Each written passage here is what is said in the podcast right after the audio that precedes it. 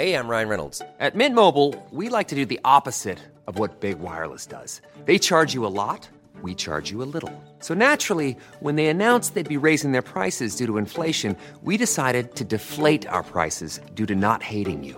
That's right. We're cutting the price of Mint Unlimited from $30 a month to just $15 a month. Give it a try at mintmobile.com slash switch. $45 upfront for three months plus taxes and fees. Promo rate for new customers for limited time. Unlimited more than 40 gigabytes per month. Slows. Full terms at mintmobile.com.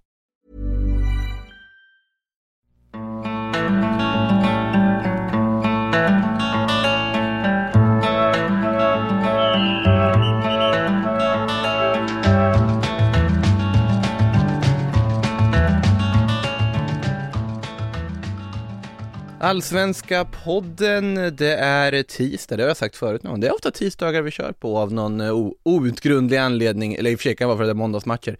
Nåväl, innan jag drar den här introduktionen allt för långt, Makoto Asara heter jag, Hugo Månsson, Josip Ladan med mig i studion. Välkomna in till att börja mycket. med. Tack, tack. Eh, fullspäckad, galen omgång får man väl ändå säga att vi har avhandlat mycket saker som går att diskutera från helgen som varit och vi börjar väl någonstans i Ja vi går väl rakt på sak, vi börjar väl i Stockholmsderbyt tänker jag. Um, till att börja med, det har ju varit lite Alltså tråkigare icke-fotbollsrelaterade rubriker kring det där derbyt om liksom efterspelet med supportrarna och polisen och den konflikten och så vidare. Vi kommer hålla oss till att bara prata just om fotbollen här i podden. Däremot finns det ju en stor granskning om villkorstrappan, eller den nya villkorstrappan som den då kallas från eh, er två, som går att läsa på sajten. Väldigt många tecken, initierat snack med både säkerhetsansvarig från Stockholmsklubbarna och annat där, så in och läs den om ni inte gjort det. Och sen naturligtvis så kan ni hålla er uppdaterade på det som sker kring den här konflikten med polisen i samband med då, hemgången efter match där från derbyt. Så att det, det finns på sajten, men här i podden kommer vi hålla oss till det som hände på planen. I och för sig, det var ju ganska mycket stök på planen också i det här derbyt. Ja, vart börjar vi? Eh, jag tycker vi först börjar med, med att eh, äntligen säga med att publiken är i full skala tillbaka på de allsvenska arenorna. Det är ju för sig utanför planen, Ja, jag vet, håller, men, men- det påverkar, jag håller helt måste med. ändå ja, verkligen, få, få verkligen, slänga in verkligen. det för att, och det är ju verkligen inte bara vilket det blir lätt eh, när man sitter här och dras med i just Stockholms derby, 43 000 på läktarna men, men det började redan med Elfsborg mot eh, Blåvitt i, på fredagen där, eh, att det, det är där Blåvitt har 5 000 tillresta supportrar vad jag har nått. Mm, Ja, det, det är ju otroligt mäktigt och så roligt.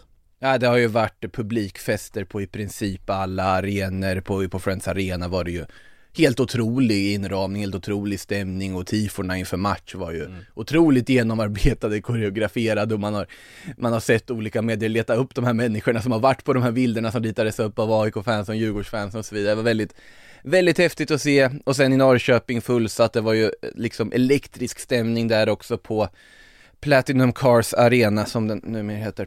Eh, och, och så vidare. Dock en brasklapp här, det var bara 4000 pers på Guldfågeln Arena när Kalmar FF spelade. Eh, den arenan, jag har sagt det förut i andra sammanhang, jag vet inte om jag har sagt det i poddsammanhang, men den arenan ligger ju på helt fel plats.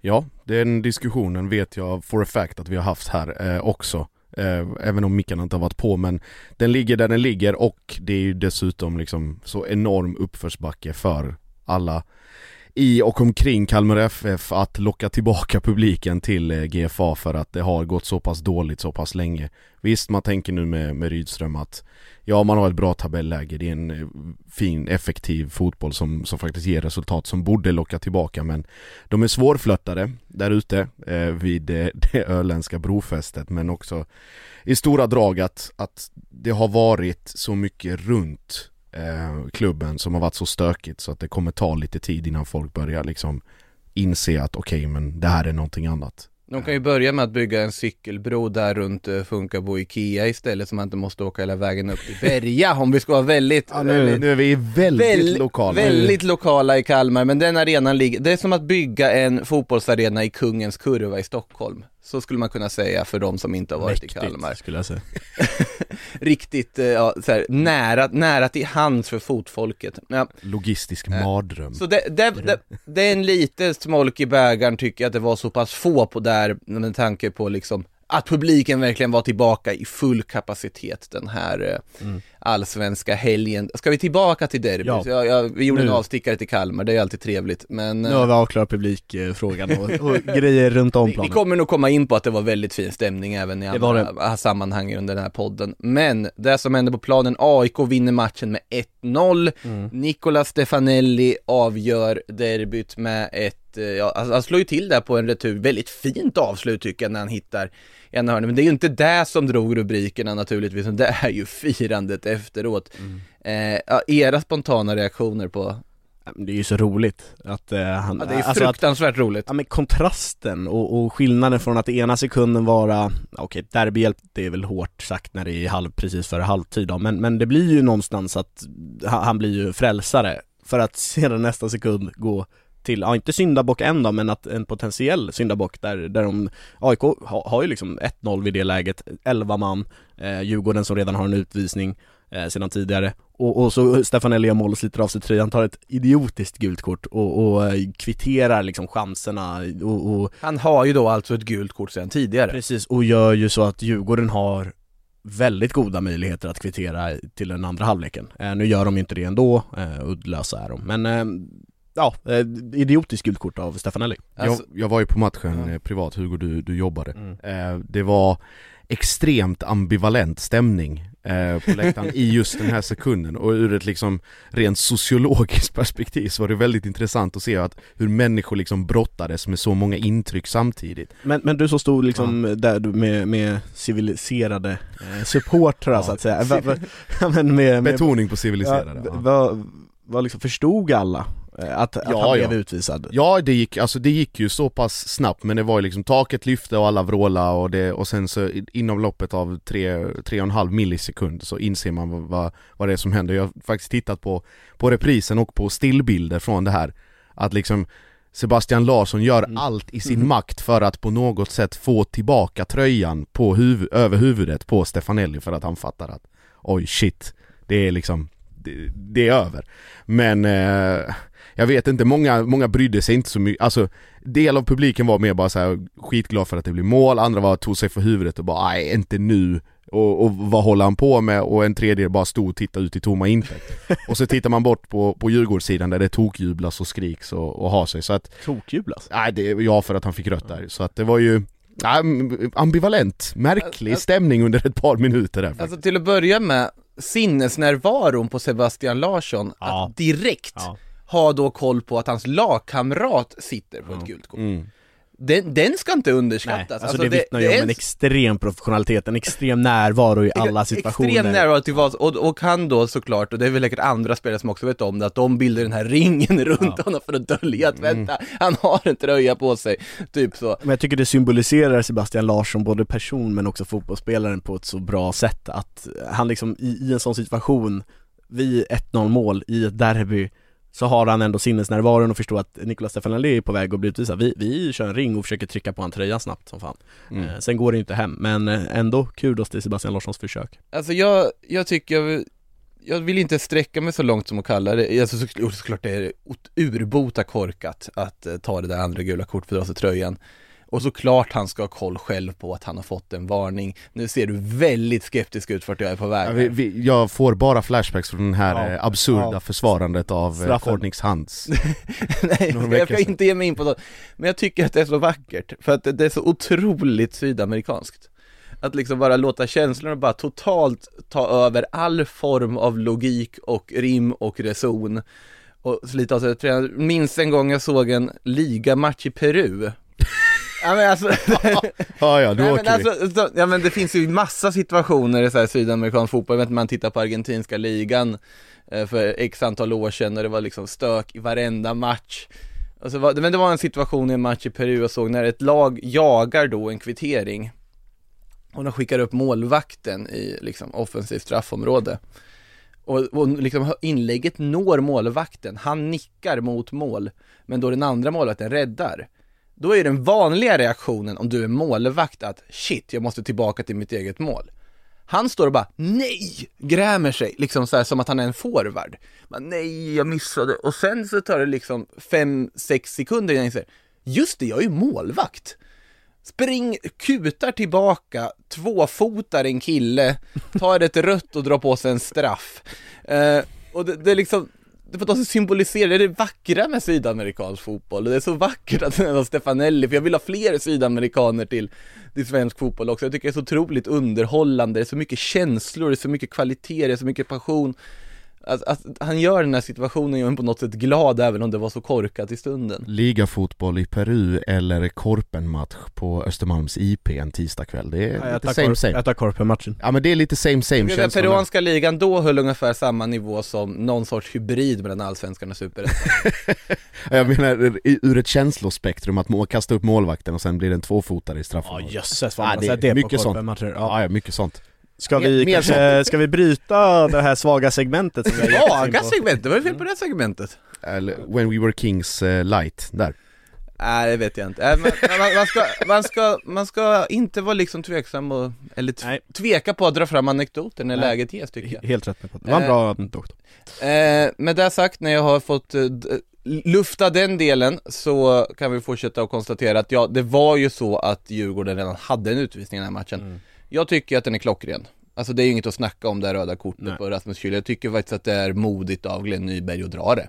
För det är inte lätt att våga ta ett rött kort i minut 11 av ett derby med den stämningen och alltihopa. Men det där är en tackling som ska rendera ett rött kort och det gör det också. Däremot kan man diskutera han vågade kanske inte ge straff till Djurgården där Nej, fast den, det ska inte vara Du straff tycker inte det är straff? Nej, med, med reprisbilderna. Jag har sett mycket och, Mm. i efterspelet handlar mycket om domarinsatser. Jag tycker Glenn Nyberg sköter matchen på ett suveränt sätt Mm. eh, genom hela och tar egentligen knappt något felbeslut. Det är väl kanske någon frispark som vanligt hit eller Mm. dit. Men straffsituationen där är ju, och, eh, Otieno går ju in, för det första, går in rättvist. Sen så har han ju faktiskt flyttat att han träffar bollen, det är ju ingen vårdslös satsning så att det enda som skulle kunna inbringa straff för Djurgården är ju att satsningen i sig eh, skulle vara för brysk. Det är den ju inte. Eh, utan han går in och petar fäller spelaren men också träffar bollen med en Mm. väldigt eh, Jag tänker snarare dock situationen i straffområdet i absolut sista stund där när Hjalmar Ekdal får Får en spelare över sig Ja, där nej, som är det- ganska tydligt eh, grepp och så vidare Så det var väl den situationen kanske snarare ser att Ja, den har inte sett lika många reprisbilder på men när jag uppfattade den där tyckte jag också att Hjalmar faller lite för eh, Alltså han, han gör li- lite för mycket eh, gestikuleringar och, lite, eh, kroppsspråket är lite för, du vet när man ser förskylld ut. Med det sagt så, jag har inte som sagt kollat reprisbilderna innan Djurgårdare nu blir galna så det, det skulle kunna vara så att det är straff men jag tyckte att det såg lite för eh, billigt ut. Det Om man, det om man fin- låter bli att släppa den straffen där och sen tittar man på vad eh, Malmö fick emot sig för straff när Adam Ladebäck hittade någonting på Sören Rex i ett straffområde som bara Adam Ladebäck såg och ingen annan i hela världen så vet man ju också hur, hur en sån situation kan komma i vilket läge, alltså det här var, Malmö-situationen var i början av matchen, det är liksom massa olika andra saker. Här är det liksom ett avgörande moment i det absoluta slutskedet i ett derby. Jag tror man drar sig rätt, Nej det var inte Alltså, i eh, slutet av matchen. Eller i absoluta slutskedet här som du Den jag pratar om är det absoluta, Exakt, absoluta exakt. slutskedet. När det kommer ett inlägg och där Hjalmar Ekdal då ska upp och sen får han en kille i ryggen, det är lite grepp, Ja. det är lite knuff, han liksom får AIK-spelaren Exakt, kontakten där liksom. Det, men där blir det ju också en fråga om eh, liksom, ska du blåsa så måste du vara 110% övertygad om att satsningen är brysk Det räcker inte Ja. med en regelboksstraff. Nej precis, och då det, blir det... det, är ju en skillnad på regelboksstraff Ja. och straff exakt, i en sån match exakt. Och det är, så, för att återvända till den situationen du pratar om eh, Hugo, jag sitter precis i, eh, i vinkel och i höjd med, med duellen och det, det är en klockren duell. Eh, återigen, Alltså 81 mot 81 och eh, Asoro, Asoro, exakt. ja. Han går in på boll, Mm. nyper den till och med och eh, Asoro Ja, utny- försöker utnyttja läget bäst han kan Ja, i det men läget, hade det han ska han göra. Hade 81 och inte prickat bollen då, då, Då kan man det varit- absolut, Då, då är det 70-30 straff Ja, absolut. Skulle jag säga. Vi kommer Absolut. säkert diskutera fler straffar, vi ska ju till Norrköping sen också där det var lite diskussioner kring en situation där Williot Sveberg, jo han borde ha fått straff i den situationen med Henrik Astegren, men eh, det jag skulle komma till, AIK vann i alla fall, 1-0 i Mm. det här derbyt, Stefanelli får vara matchhjälte, han går, han går från hero till zero till hero kan man väl säga Ja, helt enkelt. verkligen Eh, och AIK jämnar ut guldstriden, går upp på samma poäng som Djurgården. Eh, vilka matcher vi har framför oss. Ja, bra. och AIK har väl fortsatt ett väldigt tufft eh, spelschema så att de har ju Mm. både Malmö FF borta så att de behövde ju verkligen den här eh, segern. Mm, och sen till Tele2 och möta Norrköping hemma också så. Ja, och nu härnäst är det ju nytt derby eh, när de gästar Tele2 på, på eh, Hammarby. Mm. Så. Nej, det blir eh, onekligen intressant att se Friends menar du väl för övrigt inte Tele2? Nej, bara derby på Tele2, Bayern AIK Och sen så har de Norrköping Ja, hemma Norrköping Ja, på Peking Friends. hemma på Friends, Ja, precis. precis. Men någon som, någon som inte tog chansen, det är ju eh, Malmö FF. Som Det gjorde de inte. fullständigt eh, vek ner sig måste jag säga och eh, det som jag tyckte var extremt kul och som, som snappades upp sen också eh, på Mm. flera håll var ju att Mjällby tränade med eh, Malmö FFs publikljud på den sista träningen Nej, innan, innan man åkte till Malmö. Och det är liksom, man kan tycka vad man vill om det, eh, men jag tycker att det är liksom i det läget Mjällby är och i den formen de är, så varför inte? Alltså Det kan Det- inte skada. det kan absolut inte skada och det är alltså Juan Robledo, eh, före detta eh, ganska hårdför mittback och numera assisterande tränare i Mjällby som kom med idén, eh, de testade den och den föll väl ut. Jag tror inte man hade skyltat med den lika mycket om man hade förlorat men alla medel är tillåtna och eh, sett till hur, hur spelare eh, i de eh, båda lagen reagerade på just publikljudet så kan man väl säga att eh, Mjällby var både ett, två och tre steg före i vissa avseenden. Eh, Malmö såg paralyserat ut eh, tillfällen. Eh, idélöst, eh, mycket, vi har pratat om det innan, mycket uppdämd frustration och fokus på fel saker. Men, men förlåt om man Ja. bara får sticka emellan där, men Ja. jag förstår inte, det, det är så många frågetecken. Mm. Malmö FF ställer alltså upp med ett extremt stjärnspäckat lag. Ja. Alltså det är både Birmancevic, det är Colak och det är Christiansen och Ja. eh, backlinjen är så ordinarie den kan vara Ja. vid det här laget med alla skador då, men, men och ändå så lyckas man inte få fram fler bra chanser Nej, mot för att det- Mjällby. För att det är fokus på fel saker och det, det är i kombination med en jag ska, jag ska inte säga underskattning men en liksom arrogant inställning till motståndet. Kan man sin listerländska eh, och skånska historia så vet man att matcherna mellan Mjällby och Malmö brukar vara ganska hetsiga, stökiga tillställningar. Eh, och det är både med historiens vingslag men även i modern tid. Men där blir det ju också att Mjällby step, alltså går upp sig 30-40% bara till de här matcherna. Eh, har en bra form, sju raka utan insläppt mål.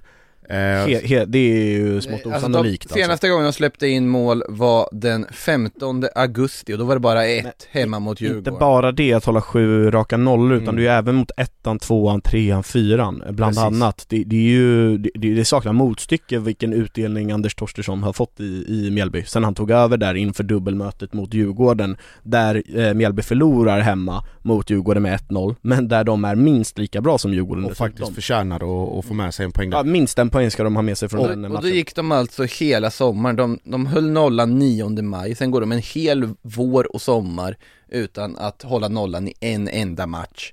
Sen då så gör de det mot Kviding i kuppen 18 augusti och därifrån har sagan fortsatt på något sätt. Och, och Saga, den, den absolut avgörande nyckeln till det här är Carlos Moros Gracia och hans intåg i den där backlinjen. Man var ju skeptisk när han... Eh, Ja, man tänkte väl, vad, jaha, är det någon sån här temporär, eh, Men kort, kort, han- hur han var- motiverad är han och så vidare? Ja men han var ju inte känd för sitt försvarsspel i Sundsvall Nej. utan det var ju under Joel Cedergren, det var ju snarare den att det var en väldigt bollskicklig mittback som skulle eh, hjälpa till i speluppbyggnadsfasen En och, spansk mittback. Mm. Ja men som var väldigt skicklig med det och, och som bildade tillsammans med Ciercoles och Batanero en fin eh, spansk eh, triangel där Ehm, och, och men, men nu liksom är han invärvad till Mjällby och, och sköter försvaret alldeles galant. Ja men det, det är en pondus och en, liksom, en approach till både sig själv och till resten av sin, sin backlinje som är liksom så självklar.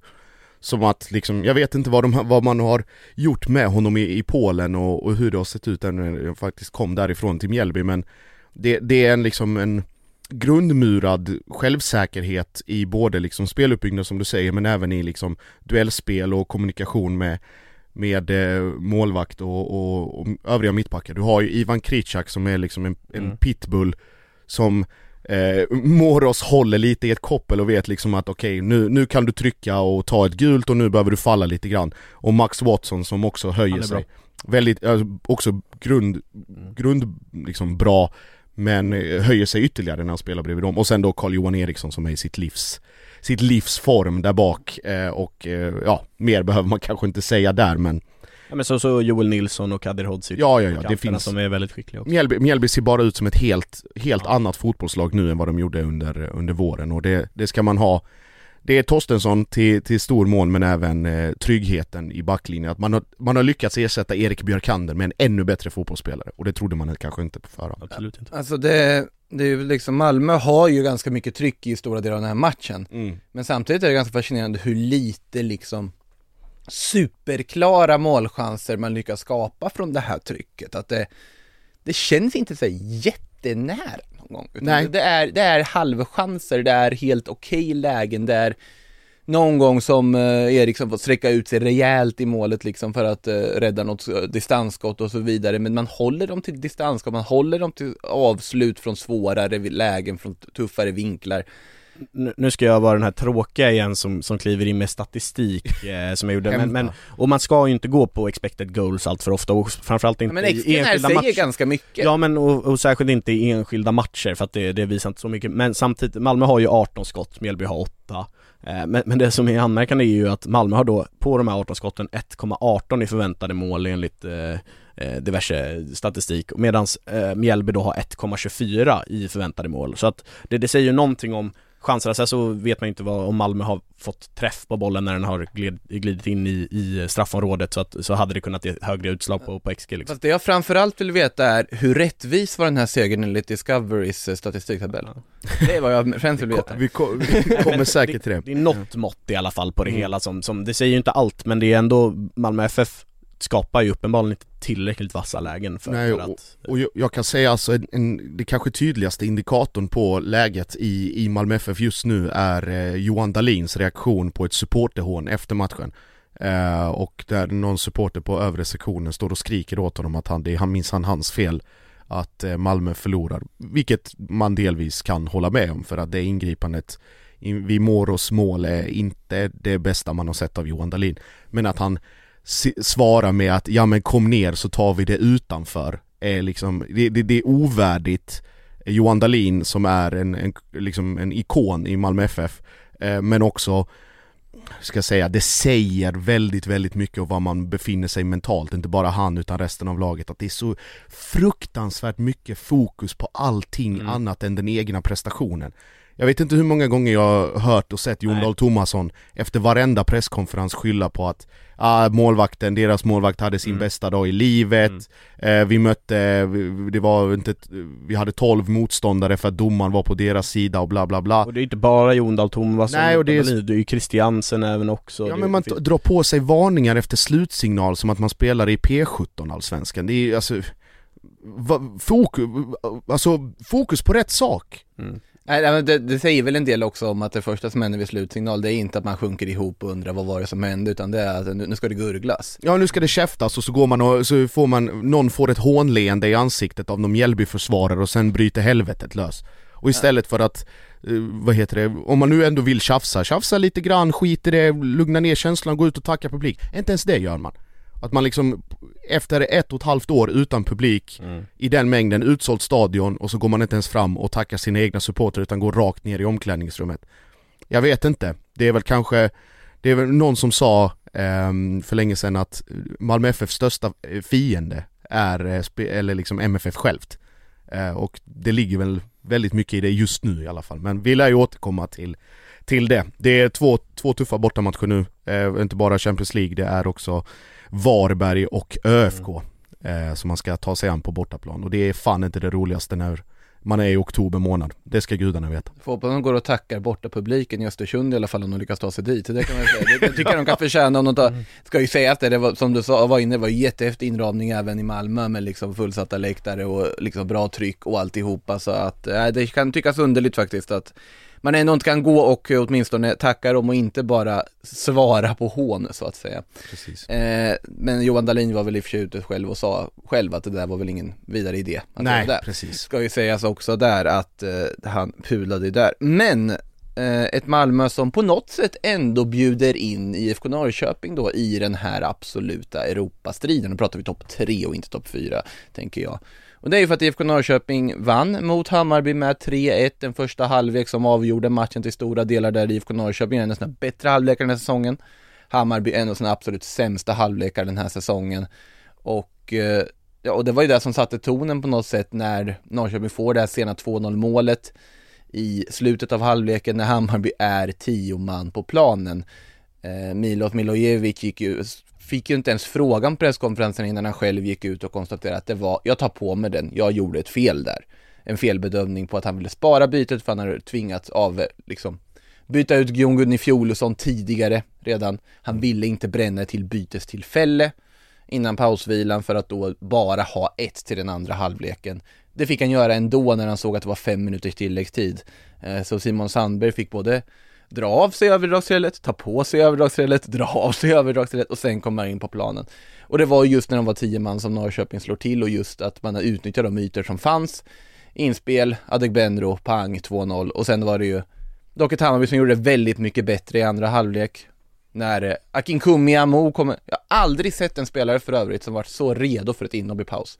Han hade liksom full matchmundering utan överdragsställ eller någonting i princip på planen från att de spelare som var på planen gick ut. Och det är ju helt rätt också för att eh, han måste väl också känna igen att han är ju den klart mest formstarka spelaren i Hammarby eh, just nu. Han är, det, det är ju smått osannolikt att han är peta, eller peta men att han inte får starta matchen i alla fall.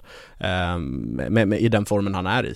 Eh, mot Göteborg så är han ju eh, klart bäst, mot Varberg gjorde han, eh, var han bäst på plan och gjorde målet. Eh, det är en, det är en sanslöst stor talang som Milos måste, jag förstår att han vill ge Viljot Sveberg, stora talangen, också speltid, men han måste Men nu är ju båda de på bänken från början ska Ja, säga. och han måste starta med båda på något sätt. Om det är ett formationsskifte som krävs, ja då får man nog göra det för att den här 3-5-2an eller hur man nu vill uttrycka det, den är ju inte så stabil när man släpper tre och, och ja men man, man släpper in ganska billiga och, och enkla mål oavsett så att det, det är nog dags att börja ut lösa den enorma offensiva potential som finns. Här var det väldigt tydligt tyckte jag om man såg på startelvan att alltså, man kan diskutera varför Amo och Svedberg inte startade och det, det är konstigt med facit i hand. Och det var konstigt inför match också med tanke på att de ändå bara hade haft en halvlek kvar i matchen innan. Det var inte så att de på något sätt är superslitna i det här läget. Ett landslagsuppehåll som stundar också dessutom mm. ett läge för dem att vila ut, ta det lugnt och så vidare.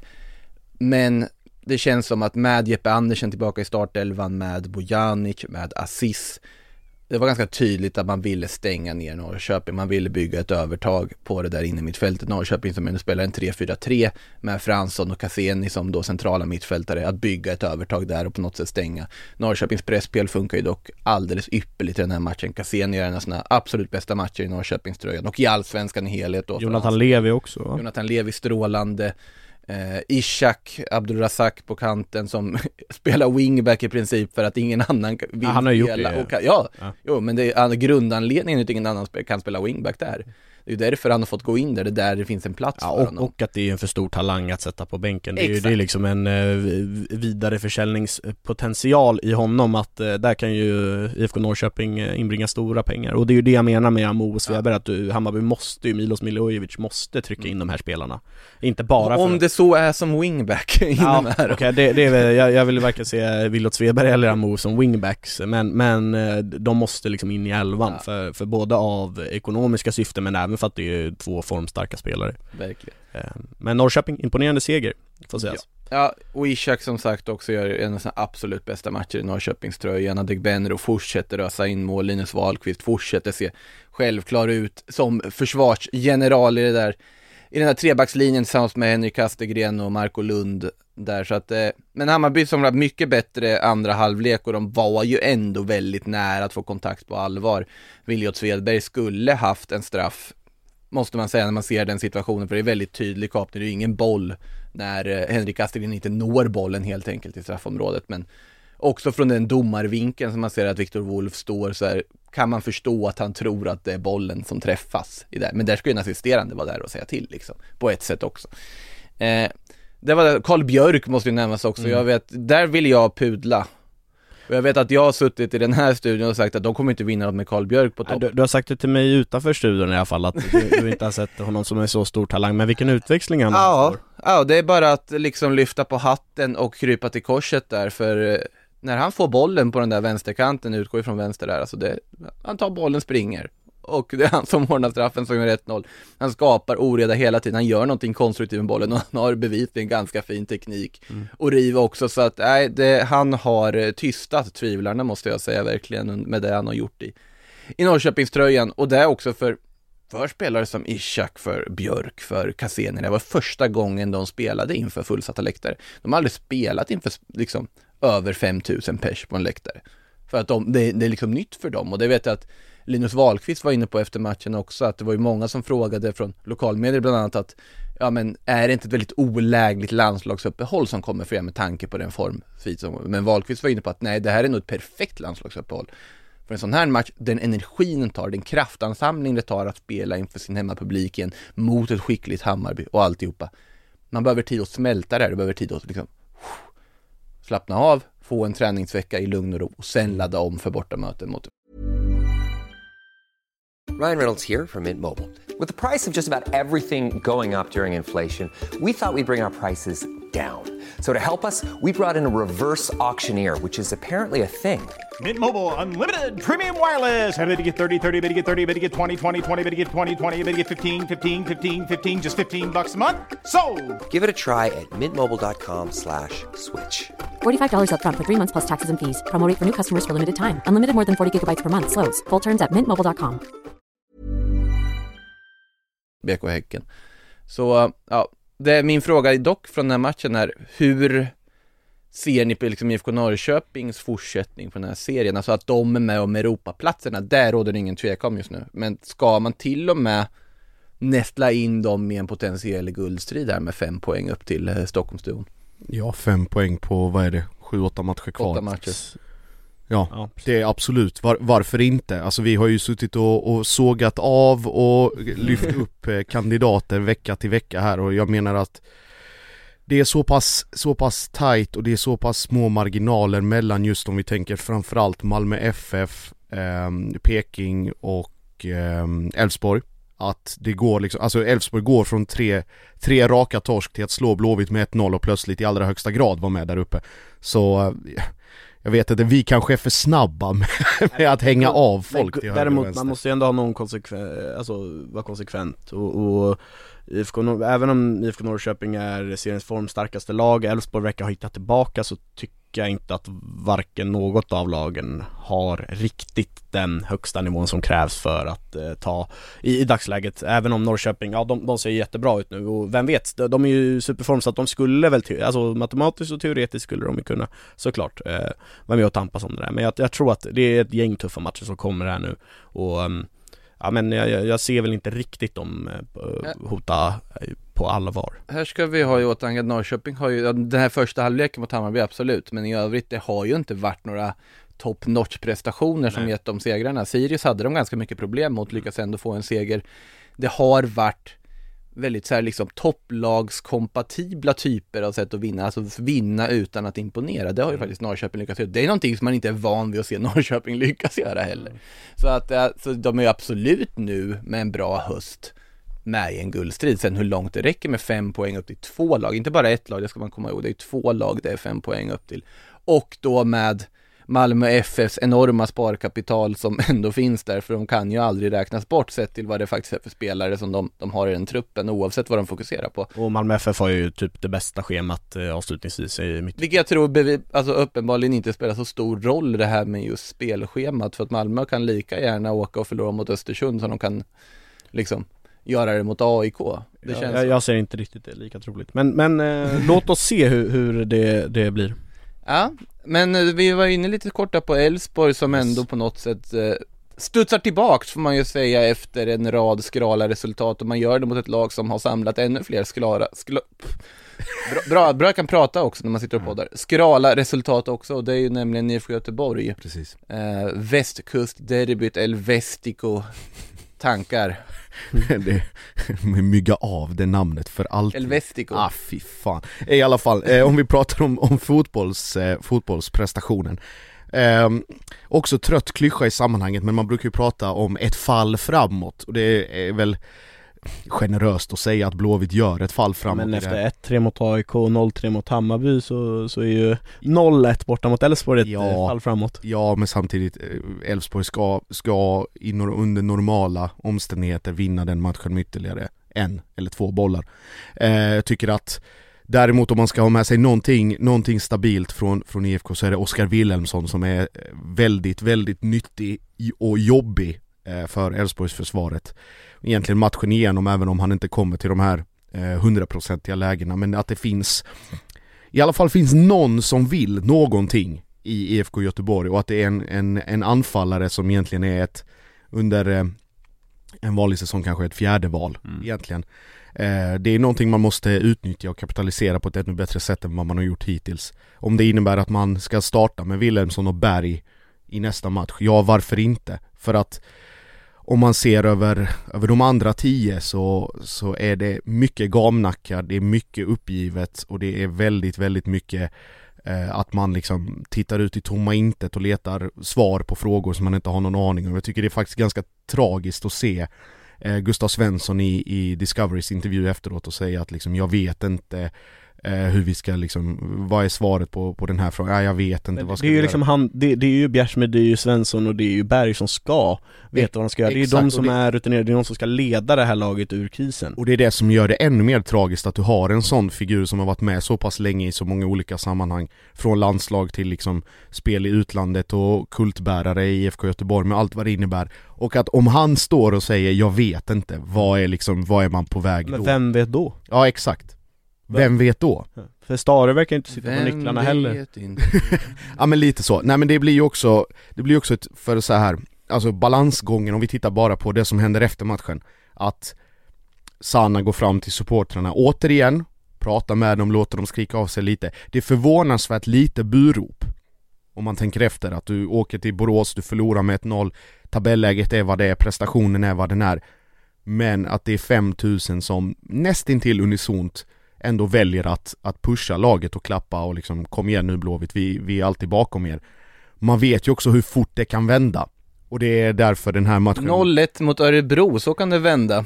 Alltså det är, vi pratade om ångestmöte på, på eh, Bern Arena här för några veckor sedan när det var Örebro-Östersund. Frågan är om det här kanske är, ja alla Det här är ju mer men de- äh, ångest eh, ja, men de- med tanke på klubbarnas, att äh, Östersund, med respekt åt de supportrar de har, så Göteborg är en stor klubb. Ja men de två, tre senaste åren absolut största ångestmöte på, på Gamla Ullevi mellan IFK Göteborg och, och Örebro SK. Det, är, det finns en, en match i ett, eh, ska jag säga, svensk elitfotbollssammanhang som nästan är värre och det är ju då kvalet till, eh, till allsvenskan mellan, eh, mellan den botten, eller tredje sämsta allsvenska laget och tredje bästa i superettan. Jag tycker att de är några av faktiskt årets höjdpunkter. Ja, Alltså, tveklöst. Men och om vi ska spekulera i ett potentiellt scenario här, eh, ångestmackan eh, IFK Göteborg, Helsingborgs IF. Mm. Ja, Nu, nu, nu spekulerar vi långt. ja, nu går vi väldigt långt fram. Herregud Men, vilket kval, kval duell det hade varit, men det kommer ju sluta med typ, eh, jag vet inte, Degerfors, Trelleborg eller något sånt där istället. Är de fortfarande uppe Trelleborg där och hotar i Superettan? Jag har ganska dålig koll. nej, det ska vi inte sitta och svära Värnamo och Sundsvall är ju eh, klara eh, favoriter till att ta hem Eller att eh, komma eh, topp två i alla fall och sen så är det, står det väl mellan Helsingborg och, eh, ja, vad har vi mer där? Är det Trelleborg och eh, Ja, Landskrona, Alltså, det är så Norrby, fruktansvärt Norrby mycket lag som är där Precis. och slåss om den där tredjeplatsen och nu är det ju Värnamo som har gjort ett litet ryck bara en poäng mot Vasalund, var ju på plats där också Mm. Hugo. Vi kanske inte ska gå in på den i. Jag tror folk vill höra om Superettan också Ja, vi men, har, eh, men, Det var men, en eh, ganska mm, ounderhållande tillställning på Skytteholms IP igår eh, inför drygt 200 personer eh, Mellan Vasalund, eh, jumbon mot serieledarna Värnamo och man såg ju knappt skillnad eh, mellan lagen. Jag, jag ställde den raka frågan till eh, Värnamos tränare Jonas Stern efter att eh, borde man inte se större skillnad på ettan mot eh, jumbon? Eh, ja, men en jämn serie, eh, så, ja. De har alla duktiga kan slå alla Ja nej men han, han höll sig för de värsta av klyschorna men, men att de har duktiga spelare och det, det är ju verkligen så, han, han nämnde AFC Eskilstuna som ett annat exempel, att det, det finns mycket skickliga individuella fotbollsspelare i båda de lagen.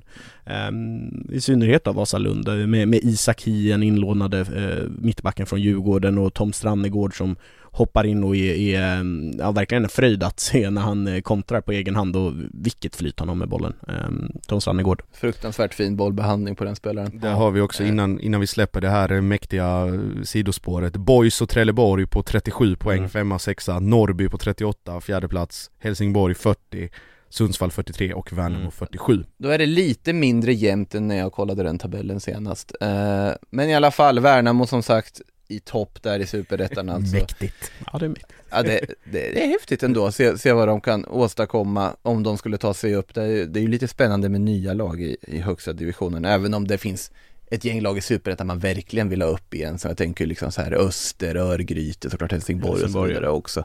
Det finns ju ett gäng, gäng riktiga publiklag, liksom klassiska lag som ändå på något sätt hör hemma i allsvenskan. De har glömt att lag som ÖIS och Öster faktiskt hör hemma i Allsvenskan på något sätt, för det var ett tag sedan, men fortfarande. Eh, de är saknade tycker jag. Samtidigt så, vi, vi har inget att klaga på i alla fall i högsta serien samtidigt, finns ju ett helt andra drös bra, intressanta lag att följa.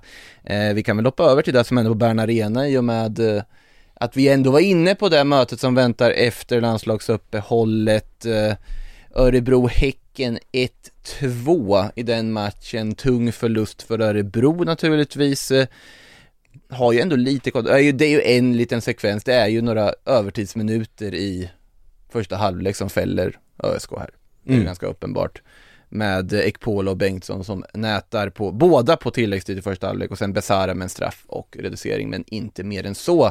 Och därav Örebro som nu har fem poäng upp till, nej, inte till och med mer, sex poäng upp till Degerfors och IFK Göteborg, ett Degerfors som åkte till Varberg, kryssade 0-0. Eh, ni sitter här och ser Otroligt väntat. otroligt väntat. Viktor Edvardsens röda kort kändes väl, alltså även om det går att diskutera det första gula kortet. Det andra gula kortet tycker jag är såklart, eller? Andra är... Ja, om, man- om man ska jämföra de två situationerna med varandra Ja, man får göra så, Ja absolut. första, första är, det är vansinnigt, det är, jag fattar inte varför han varnas överhuvudtaget. Mm. Extremt billigt. Andra, ja, givet, han går in. Om vi pratar om Rasmus Schüllers eh, utvisning så är det liksom Det är samma typ av satsning även om det är två olika utfall. Det är sulan, sulan ut eh, i en, i en liksom och en träff som är, eh, som, som är befogad eh, att, att liksom rendera i antingen varning eller utvisning. Eh, och det är inget snack. Eh, däremot är ju det, ja, jag vet inte. Jag kanske skulle belönas, eller belönas, eller bestraffas med en av två varningar istället för en utvisning. Men Edvardsen, onödig sits att sätta sitt lag i när man är i det läget, men också moral och karaktär att ändå lyckas ta, ta med sig en, en riktig grispoäng Från... från, tufft Varberg. Ja, från på bortaplan och då har ändå Varberg två avslut i, i stolpen på övertid så Nej, hatten av till, till degen, ursäkta luftbubblan här. Ja, och eh, samtidigt då, ingen Viktor Edvardsen i nästa match för Degerfors, och då kanske man gnuggar händerna i Halmstad.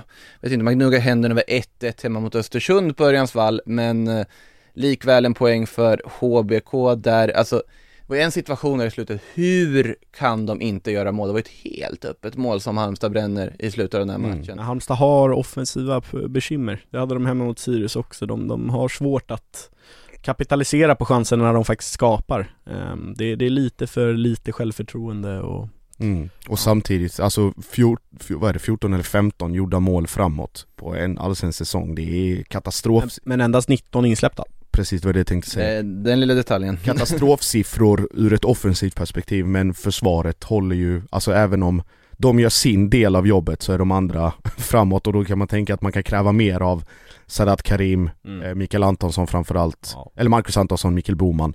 Mm. Så att det, det finns ju helt klart kapital där och Tott Wikström som hade drömläge och som väljer att ta för kung och fosterland och bollen hamnar någonstans i i eh, Varberg så långt som den flög. Men nej, det, det finns att jobba på men försvarsmässigt, ja de får se hur långt de kan kryssa sig Nej kvar. men det finns en ganska enkel basic jämförelse på målskillnad att göra. Halmstad har gjort minst mål i hela serien i år. Örebro har faktiskt gjort ett, ett mer. Däremot har Halmstad som sagt släppt in 19, Örebro har släppt in 44. Eh, och det, och det, det är väl skillnaden då i varför de ligger som de gör i tabellen. Eh, så är det, Halmstad Östersund har sett det, då var ju lördagsmatchen avverkade på det också.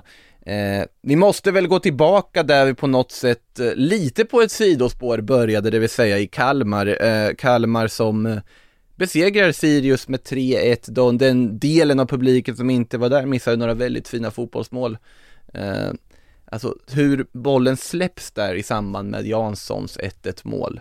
Det är väl Oliver Berg som bara liksom springer förbi bollen och släpper in den där i straffområdet, otroligt vackert och sen ja, Bergs eh, 2-1 mål, det är ju inte dumt heller. Det är många vackra mål i den här matchen och ett Kalmar som fortsätter att imponera, som fortsätter att hänga på. De, de, har ju så många formstarka spelare nu också. Mm. Alltså, alltså, det är ju både Isak Jansson som är eh, extremt skicklig och Jonathan Ring som nu har verkligen kommit i, i riktig form och då med, med ett spelsystem som alla spelare är med på tåget och mm och de fortsätter att följa det till, till punkt och pricka då när de individuella spelarna också kommer i, eller får självförtroende och kommer i form, då kommer det ju se ännu mer glimrande ut och det, det är ju det det börjar göra nu.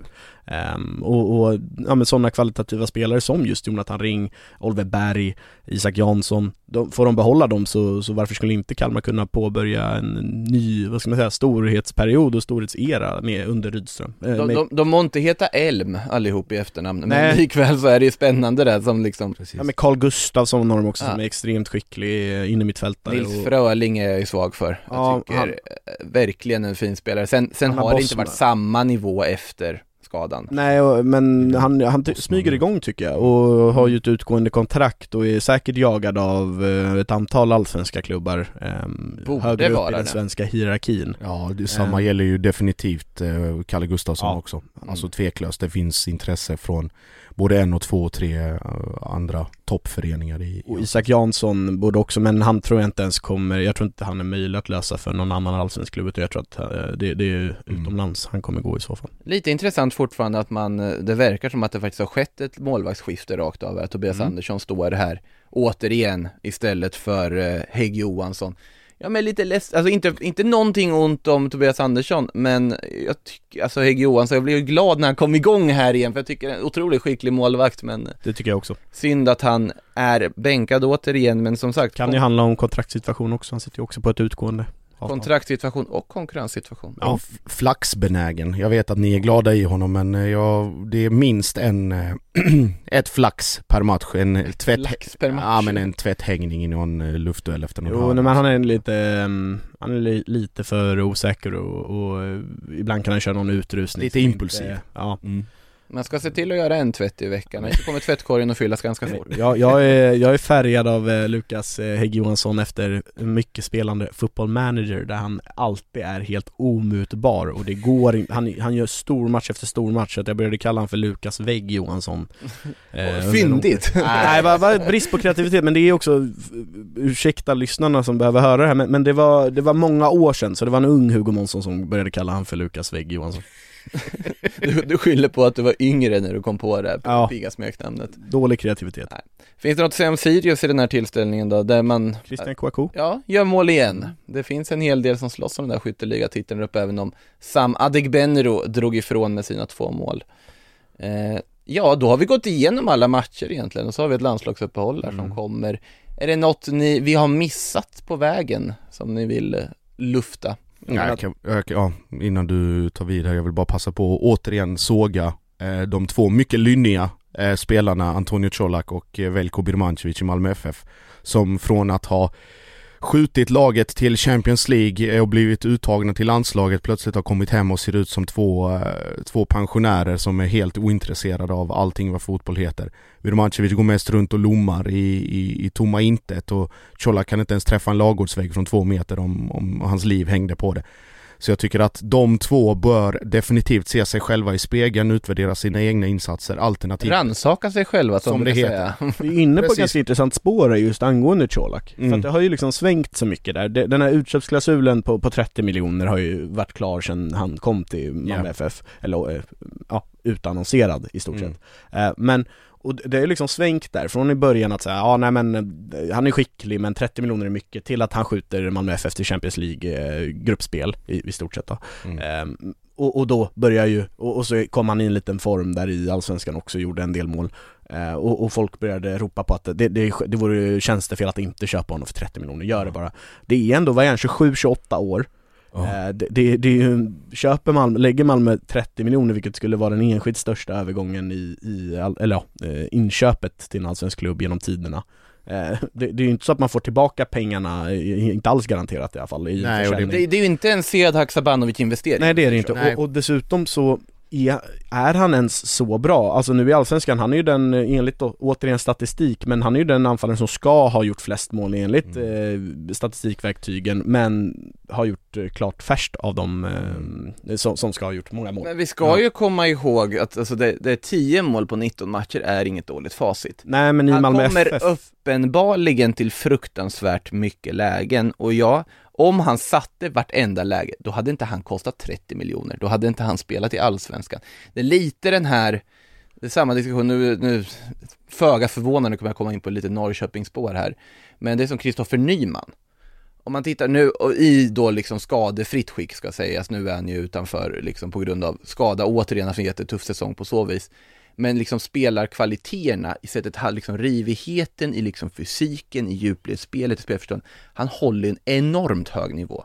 Men avsluteffektiviteten är inte hundraprocentig. men, men då, om jag förstår det rätt så menar du då att du tycker att det är rimligt att Malmö ska spendera 30 miljoner kronor på en Nej, nej, nej. 27-28-årig anfallare som gör 10 mål på 19 matcher, vilket är Ja det, det är Jag vill- bra, men det är ju jag vill, är eh, som jag- ska vinna, alltså vet, vet du hur många poäng de har i stort sett tappat nu här under eh, de, senaste månaden på, på grund av att Colak inte har varit tillräckligt för effektiv? Jag, jag säger inte bu eller bä på att de ska lägga 30 miljoner, jag tycker att det, det beror helt på vad de har för andra alternativ att jobba med. De behöver ju en forward oavsett. Dels, dels det, men jag tror också att den här centrala liksom, punkten i MFFs resonemang kring köpa eller inte köpa Colak handlar om hur kan det påverka resten av truppbygget. Ja. För att du lägger inte bara 30 miljoner för en klausul utan du också jus- du justerar lönen, du sätter den på en högre ribba än vad som någonsin har varit aktuellt i Malmö FF och det innebär också att du har ett helt annat förhandlingsläge med både nyförvärv men också resten av truppen vid en kommande förlängning. Jag tror, Ja, inte, att, jag tror det- inte att Christiansen är skitpigg på att vara näst bäst betald i MFF till exempel. Nej men alltså Malmö har ju en, det finns ju en lönestruktur naturligtvis. Ja. Och det är ju så är det ju i alla klubbar. Och om det är så att en spelare erbjuds väldigt mycket mer så kommer andra spelare, både de som är i klubben men också spelare man vill värva in, se okej, det här är den ekonomiska vardag som Malmö FF har, det här är vad de kan investera för en spelare som gör ungefär det här i den åldern. Okej, då kan man sätta sitt krav på det sättet. Varenda agent kommer veta att, ja men, Exakt. det är Ingen här svår research. eh, Absolut inte. Och det är ju då frågan, vill Malmö FF flytta sin liksom ekonomiska status ett steg till? Ja. Vilket jag tror att man sett till liksom Champions League-pengar, Europa League-pengar, de kan göra det. Mm. De kan absolut göra Ja, det, de kan lägga sig på en annan nivå ekonomiskt. De kan lägga andra typer av transfersummor på spelare och liksom konkurrera, ungefär som liksom ett mittenlag i La Liga. Det är ungefär den budget de teoretiskt sett skulle kunna jobba med, tänker jag. Sett Mm. till vad de faktiskt får in. Om då vi förutsätter att de får Europaspel år ut och år in. Exakt, och där är, det blir den avgörande faktorn. Mm. Och Europa, alltså minst Europa League varje Eller säsong. Conference League blir det Ja, ko- absolut, det, det är en sak. Men i alla fall Europa League om du bara ser till skillnaden i cashen mellan Men de kan, man kan ju inte nå Europa League om man inte eh, vinner eh, Allsvenskan. Givetvis, givetvis. Men jag menar, liksom, eller kommer i alla fall... Nej, eh, tvåan, alltså, trean och det, det, det är en väldigt svår ekonomisk modell att jobba efter. Det är extremt svår ekonomisk modell att jobba efter men också att det är liksom att du har det överhängande över huvudet hela tiden att ja vi kan göra spelarmässiga investeringar Vi kan höja lönerna, vi kan göra det här och det här och förstärka faciliteterna men det kräver ju också ett konstant inflöde. Mm. Om man bara tittar på, tittar på strukturen här nu potentiellt sett vilka Jag kan hit, identifiera kanske två, max tre försäljningar från den här truppen som skulle kunna generera pengar Det är Anel Ahmedhodzic givetvis Nanasi. det är Sebastian Nanasi och det är i viss mån Adi Nalic Birmancevic. Birma det är en annan kategori men alltså, Han kan inbringa stora han kan inbringa men det är ju alltså tidigast nästa säsong Men inbringa stålar på det sättet men jag menar liksom Nanasi, Adi eh, och, och Anel är ju Birma såklart men det är liksom den typen, alltså ålder, eh, eh, spetskvaliteter och erfarenhet som man skulle kunna slussa ut i Europa. Men det kräver ju också att det kommer ett flöde uppifrån, du har Marcus, eller nerifrån. Marcus Björkqvist som är uppflyttad i A-laget nu, Noah Eile som ses som en av de eh, största mittbackstalangerna. Sen Mubarak Nou, Ja, Mubarak nu Daniel utlånad. Edvardsson. David Edvardsson, alla du har utlånade någonstans på den eh, nordjylländska eh, kusten i någon eh, obskyr dansk ort Men det, det kräver ju också att utväxlingen kommer, man pratar om till exempel Ismail Sidibé som ska tydligen vara något utöver det vanliga. Men Var inte han jättemånga fantasylag inför säsongen? vad, vem, vet, vem vet egentligen någonting om Ismail CDB för att ingen följer Jammerbukt FC i den danska andra divisionen? Utan det, det får man ju först se till, till den här, alltså kommande försäsong. Men för att, Så att, ja. återgå till just Colak-exemplet Mm. och, och den situationen att nu om man får lägga ihop, om inte Colak gör en helt strålande avslutning och, och bombarderar in mål så, så tycker jag att Malmö ska avstå den klausulen och jag tycker att man ska antingen satsa på flytta upp någon spelare, eh, satsa på, på de man har eller ta in någon annan, kanske framförallt en, en svensk spelare som man köper från eh, Ja men superettan eller någon lägre Nej, Malmö, kommer, Malmö lägger inte den, de pengarna på superettan längre. Nej, Det- alltså, den men tiden de- är förbi. Och det, det är inte någon som går in, alltså Kolla det, Edvard, Edvardsen till exempel Ja, Ett det, sånt, eh, det, är- det är ett undantag, exempel. det är ett undantag. Men jag, alltså, han, hade, han hade gjort fler mål än eh, Colak vågar jag ju fastslå i Wow, FF. det skulle jag absolut inte, det skulle jag absolut inte. Och det här, det var lite det här jag ville komma in på.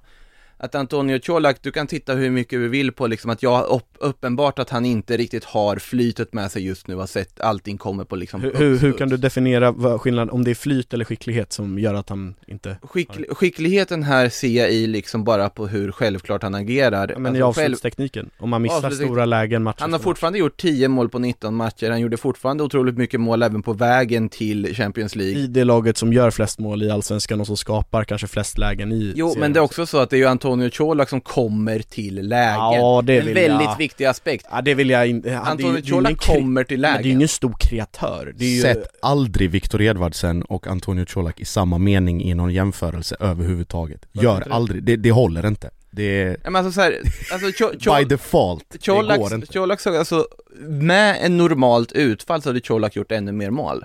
Jag, och jag, jag förstår din, din liksom poäng där med att man kan diskutera huruvida det är skicklighet i avslutsfasen eller om det är liksom tillfälligheter. Jag tror att det finns en kombination i båda. Och det jag ville är det. komma till med Kristoffer Nyman-jämförelsen var att om Antonio Colak skulle vara hundraprocentigt säker i alla avslutsmoment, då hade inte han spelat i Allsvenskan. Nej han har så mycket kvaliteter i liksom spelet och så vidare att Nej, jag tycker att, jag håller med om att man kanske inte ska lägga 30 miljoner på honom, men jag tycker fortfarande att han är en av allsvenskans absolut bästa anfallare. Tveklöst om man ligger i toppen av, eh, av skytteligan och, och så vidare, absolut, det är han. Det är inte det, jag säger inte att det är en bedrövlig fotbollsspelare. Det jag Nej, menar nej. är att det finns en enorm prislapp på honom Ja, och det finns betydligt många fler anfallare i år som har imponerat mer än vad, vad Colak har. om, om, om det skulle vara ett läge för, säg Norrköping, att köpa loss Samuel Adegbenro för 30, skulle de göra De det? har ju redan honom. Ja men om det skulle varit ett sånt läge, Nej, för att Norrköping har inte samma ekonomi. om Malmö skulle, Men jo, det hade de nog gjort precis som de köpte loss Sead Haksabanovic för över 20 miljoner så, Mm. så hade de nog gjort det för att de vet att det finns den vidare att de skulle kunna sälja honom direkt efter ett halvår. Malmö har inte den på en 27-28-årig anfallare som de Nej. kan sälja vidare och för därav, och göra en vinst med garanti. därav absolut så, håll, så köper jag och håller med fullkomligt om det, att man inte ska köpa loss Colak för 30. Det håller jag med om. Men det måste också till, för en klubb av Malmös kaliber som teoretiskt kan göra det, så måste det då finnas en väldigt solklar ersättare som ska gå in och ta den rollen. Och det vet jag inte, vem skulle det vara? Tänker, jag. det finns ju hur många anfallare som helst i världen, absolut. Men det är ganska hög kvalitet och det skulle kosta ganska mycket, för om du vill ha den kvaliteten som Antonio Colak har, då kostar det pengar. Och det säger jag även om man just nu har en ganska liksom slump i sett till vad han tar för avslut. Men jag håller också hans kvalitet ganska högt. Ja, jag hör det. Men alldeles uppenbart finns det ju anfallare som har gjort fler mål i år som kostar betydligt mindre Ja. pengar än Antonius Colak.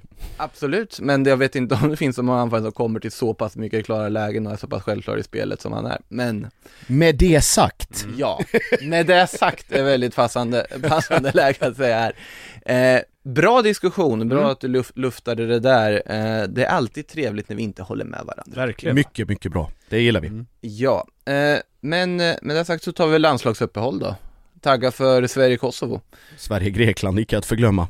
Eh, Mag- Magnus Eriksson till landslaget, måste man väl nämna också. Det, det var lite överraskande tycker jag att han ändå, sen, sen tycker jag välförtjänt sett till vad han har gjort med Djurgården och hur han verkligen har liksom, lyft det, han trivs ju i den där Djurgårdströjan så. Sen vet jag inte hur mycket man ska ta in en 30 plus mittfältare liksom till ett eh, Alltså, jag, jag förstår, han Ja, är jag förstår vad du menar. jätteväl Jag förtjänt menar, ja. av landslagsplatsen men jag, jag förstår liksom inte riktigt syftet för att det är ingen mittfältare man bygger, alltså som, som har jättelång eller stor framtid inom landslaget. Vi slänger väl, slänger väl ut den raka frågan för, för diskussionens skull här. Vem, om ni fick ta någon spelare i dagens allsvenska som inte är uttagen i den här truppen, som borde få vara med på den liksom, landslaget. Och nu tänk inte nu bara på skadeläge och så vidare, truppläge. Såklart det går att argumentera för att en forward har bättre möjlighet att komma med nu med tanke på skadesituation och så vidare. Men vem hade, tycker ni förtjänar en landslagschans som kanske inte just nu är tilltänkt?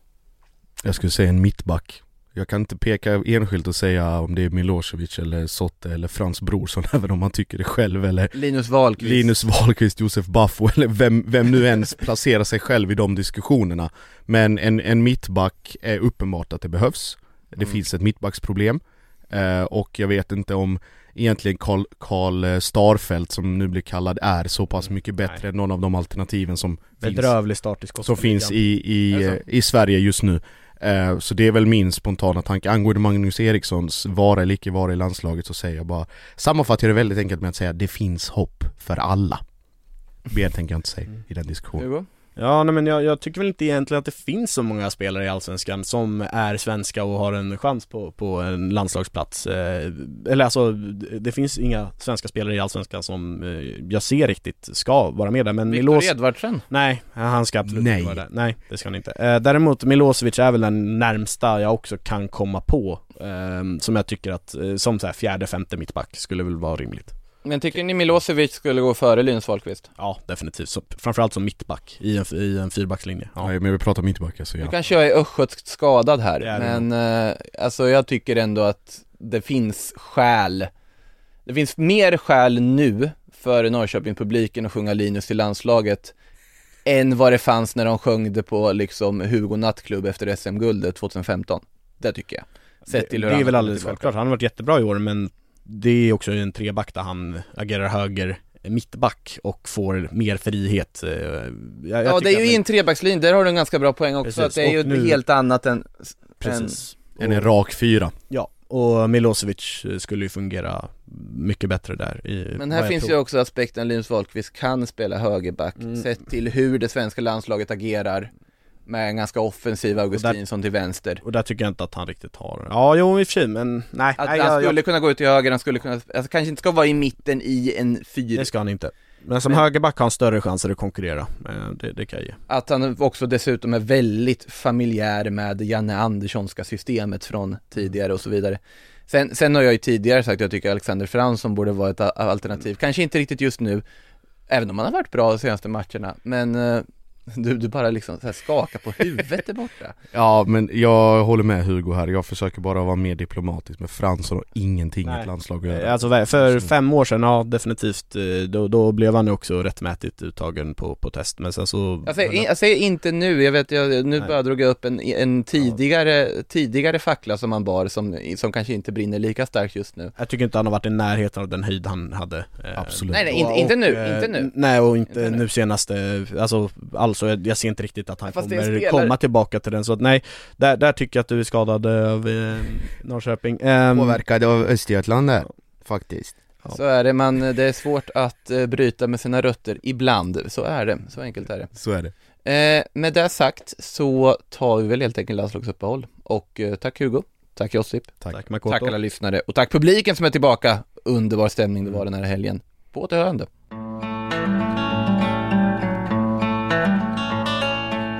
Du har lyssnat på en podcast från Aftonbladet. Ansvarig utgivare är Lena K Samuelsson.